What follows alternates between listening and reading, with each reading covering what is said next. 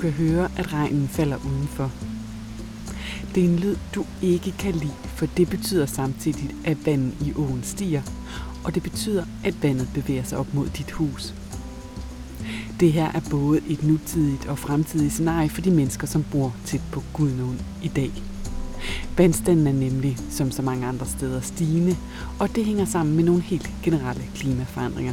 Jamen, vi står særligt i Gudnåen med nogle klimaudfordringer, hvor, hvor vi har nogle langvarige regnhændelser, øh, hvor det simpelthen regner over en lang periode sagde Mathias Utoft Jørgensen, projektleder ved Teknik- og Miljøafdelingen i Silkeborg Kommune, om de udfordringer, som man i dag står med ved Gudnåen, fordi der kommer mere og mere vand. Jeg har inviteret ham med til Resenbro til en god tur langs Gudnåen, hvor jeg har bedt ham forklare, hvilke udfordringer man står med i dag, når det kommer til klima. I det her afsnit bevæger vi os nemlig helt op i nutiden.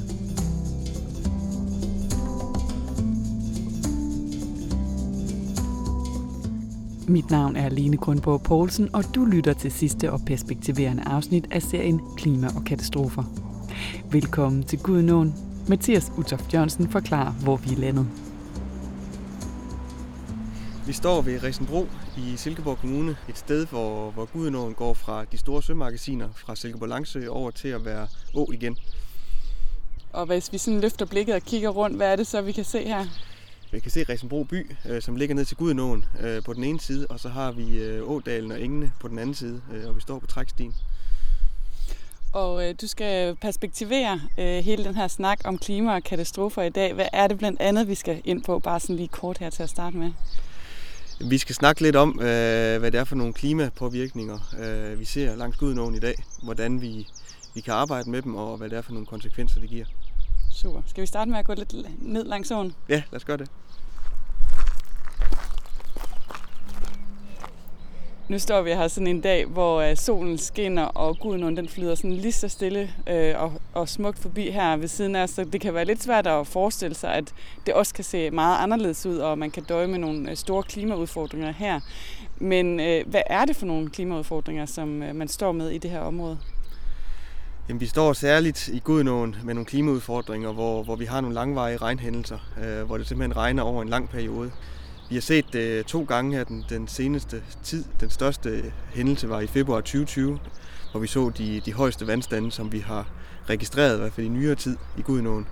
Og så det igen også i februar 2022, øh, hvor vi også havde en februar måned, hvor det bare regnede uafbrudt. Og det betyder, at vandstanden i Gudnåen stiger og kan skabe problemer nogle steder. Når vi oplever de langvarige regnhændelser, øh, som vi så i februar 2020 og igen i februar 2022, så får vi rigtig meget vand i systemet. Øh, og det kan vi se blandt andet ved de bygværker, der er i Gudenå-systemet. Det er for eksempel ved slusen i Silkeborg, hvor vi så, at der løb 55.000 liter vand i sekundet igennem slusen. Og nede ved Tangeværket løb der op mod 80.000 liter vand i sekundet igennem. Så det er enorme vandmængder, vi har med at gøre, når vi har det her hændelser, og det er det, der gør det rigtig svært at håndtere. Noget andet, som jeg ved også er et problem, det er en såkaldt vandremusling. Hvad handler det om? Siden 2007-2008 øh, har vi set, at vandremuslingen, øh, som er en lille musling, øh, der filtrerer vandet, er kommet ind i Gudenåsystemet. Det er en invasiv art, som, som formerer sig meget kraftigt, øh, og det den gør, det er, at den filtrerer vandet, sådan at vandet bliver øh, klart, og lyset kan komme ned til bunden. Øh, og når der kan komme lys til bunden, så er det med til at skabe grobund for, for planter, som kan vokse i Gudenåsystemet. Så det så vi ikke før 2007-2008, at der var planter i, i Gudenåen. Øh, men det er der i dag, og det er en af de problemstillinger, som, som er omdrejningspunkt for, for rigtig meget øh, debat omkring Gudenåen. Øh, hvordan man håndterer og, og må håndtere øh, den problemstilling. Øh, og det konsekvensen har været, at det har fået vandspejlet til at stige ca. 60 cm, øh, så den middel vandspejlet, øh, siden det kom ind i systemet. Og hvorfor er det et problem? Det er et problem, for den skaber en forandring øh, i Gudenåen og i Gudenådalen. Så arealerne omkring Gudenåen øh, er blevet vådere, siden den kom, øh, på grund af, at vandspejlet er steget. Øh, og det gør også, at der er en, en, en utryghed langs dem, der bor øh, ved åen. Og muligheden for at, at, at benytte arealerne, som man gjorde tidligere, ændres også. Jeg ved, at du har tre eksempler med øh, på nogle af de her udfordringer, som du vil fremhæve. Hvad er det første eksempel, du har med? Øh, det første eksempel, og der er det vigtigt, at, at vi sådan i den sammenhæng også snakker om de her langvarige hændelser, øh, som jeg nævnte tidligere. Det er her, vi ser de største påvirkninger fra vand. Øh, men der ser vi, at der er bygninger, som kan blive påvirket af de her vandmængder fra Gudenåen. Værst var det i februar 2020, øh, hvor vandstanden var på sit højeste. Øhm, men hvor flere var nødt til at, at lægge watertubes eller på anden måde lave nogle foranstaltninger for at holde vandet ud. Og man kan jo egentlig godt forestille sig, altså, hvor voldsom oplevelse det egentlig må være, at man på den måde skal ud og beskytte altså sit hjem og alle sine ejendele øh, imod nogle vandmasser, som, øh, som egentlig potentielt kan ødelægge alt det, man ejer. Ja, det er fuldt forståeligt, at der er nogle, øh, nogle, der, nogle borgere, der bor langs åen, som, som bliver kraftigt berørt af det her, øh, og som har nogle, nogle problemstillinger, øh, som vi skal prøve at se, hvordan og hvorledes vi kan hjælpe med øh, og, og minimere. Øh, men igen, når vi har de her store regnhændelser, så er det enorme vandmængder, vi har med at gøre. Og, og heldigvis er vi et land, hvor vi ikke har høje bjerge. Så situationer, som vi for eksempel så i Tyskland, hvor vandet kommer meget hurtigt og meget kraftigt, er ikke det, vi kommer til at opleve her langs Gudnåen. Det andet eksempel, du har med, det handler sådan om arealpåvirkninger. Hvad er det for noget? Jamen, det handler om, at, øh, at nu står vi her og kigger ud over Gudenådalen, øh, og, og den er i høj grad præget af, af enge, naturarealer eller arealer, som er ekstensivt drevet med afgræsning eller høslet. Øh. Og de arealer, øh, de er blevet mere våde, siden øh, vandremuslingerne kom ind i systemet. Øh, så det har betydet, at, at man ikke kan, kan bruge øh, arealerne på samme måde eller i samme omfang, som man har kunnet tidligere.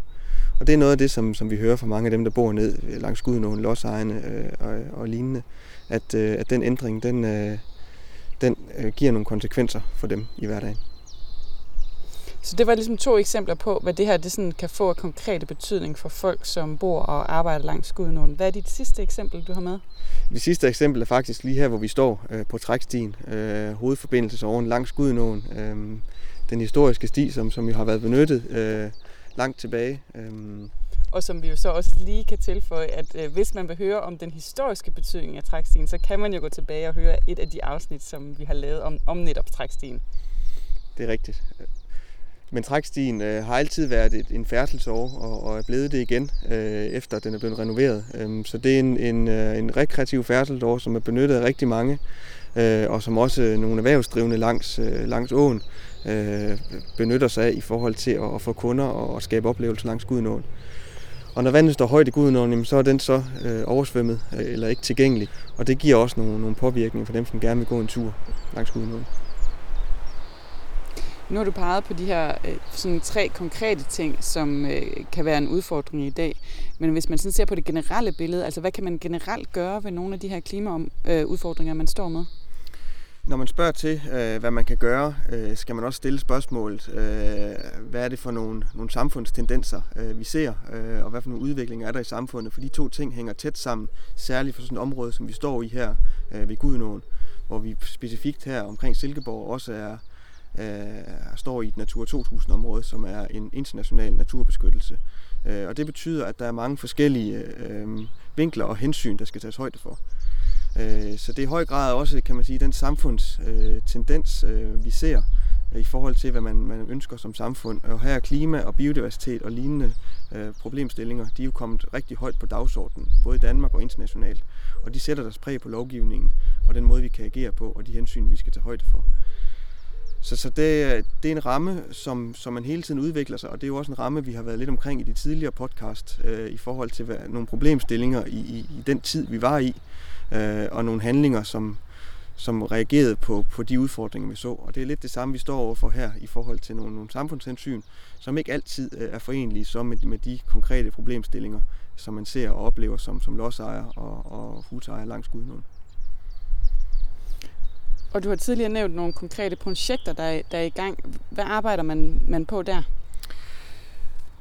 Kommunalt, øh, fra, fra kommunal side, øh, der har vi arbejdet på at lave en uh, helhedsplan øh, for Gudenåen. Øh, kig på Gudenåen øh, fra udspring i Tindekrat øh, og til udløb ude ved, ved Randers i Randers Fjord.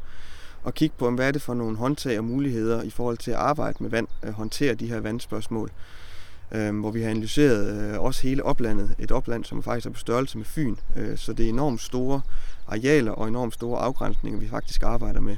Det skal også lige siges, at Gudenåen er 160 km lang, så det er en enormt stor geografi, øh, man skal prøve at forholde sig til. Øh, men vi har kigget på i det arbejde, hvordan kan man håndtere vand. Øh, blandt andet kan vi parkere vand i, i oplandet eller forsink vand.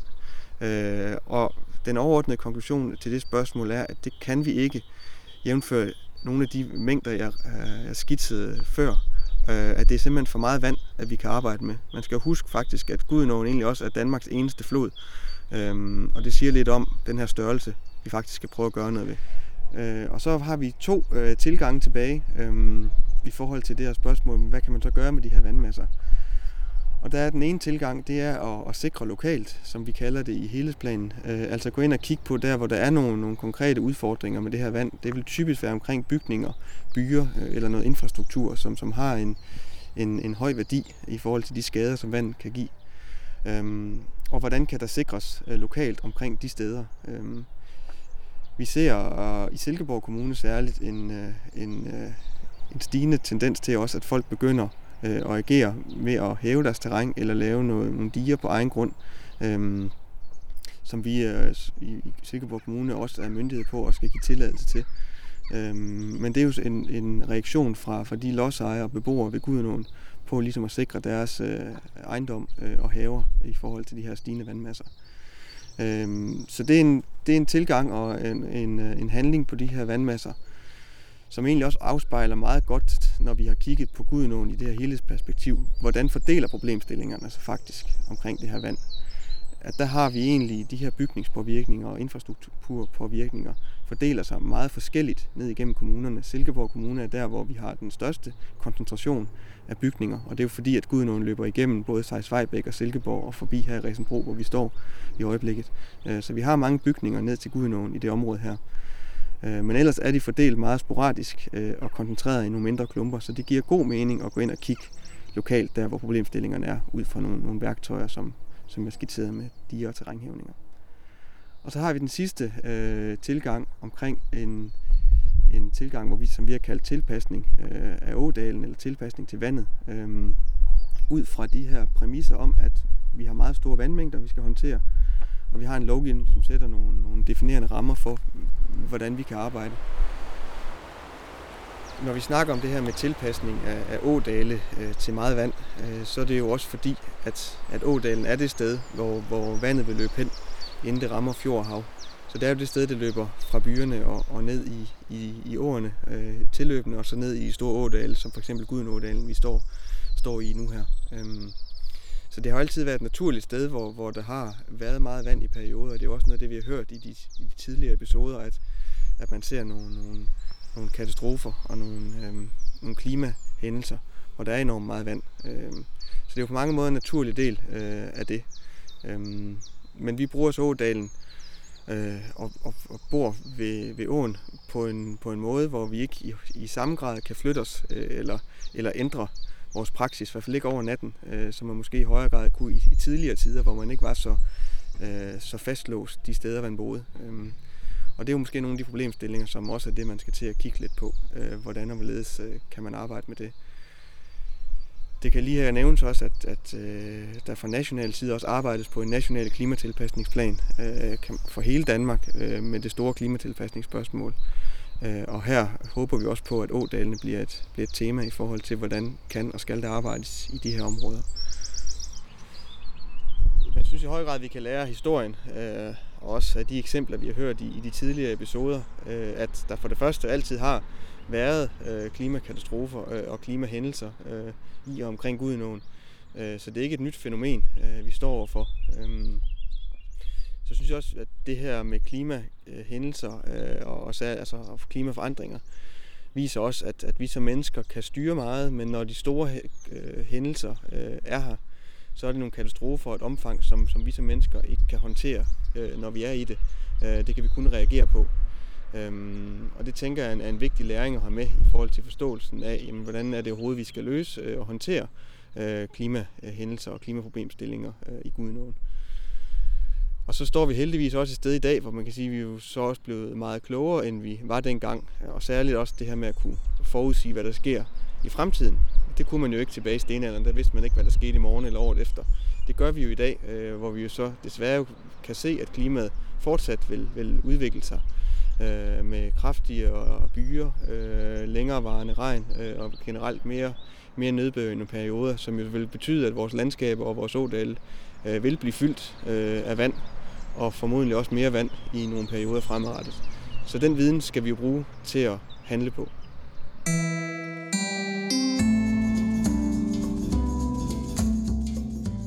til at handle på, lød det altså her fra Mathias Utoft Jørgensen, projektleder ved Teknik- og Miljøafdeling i Silkeborg Kommune.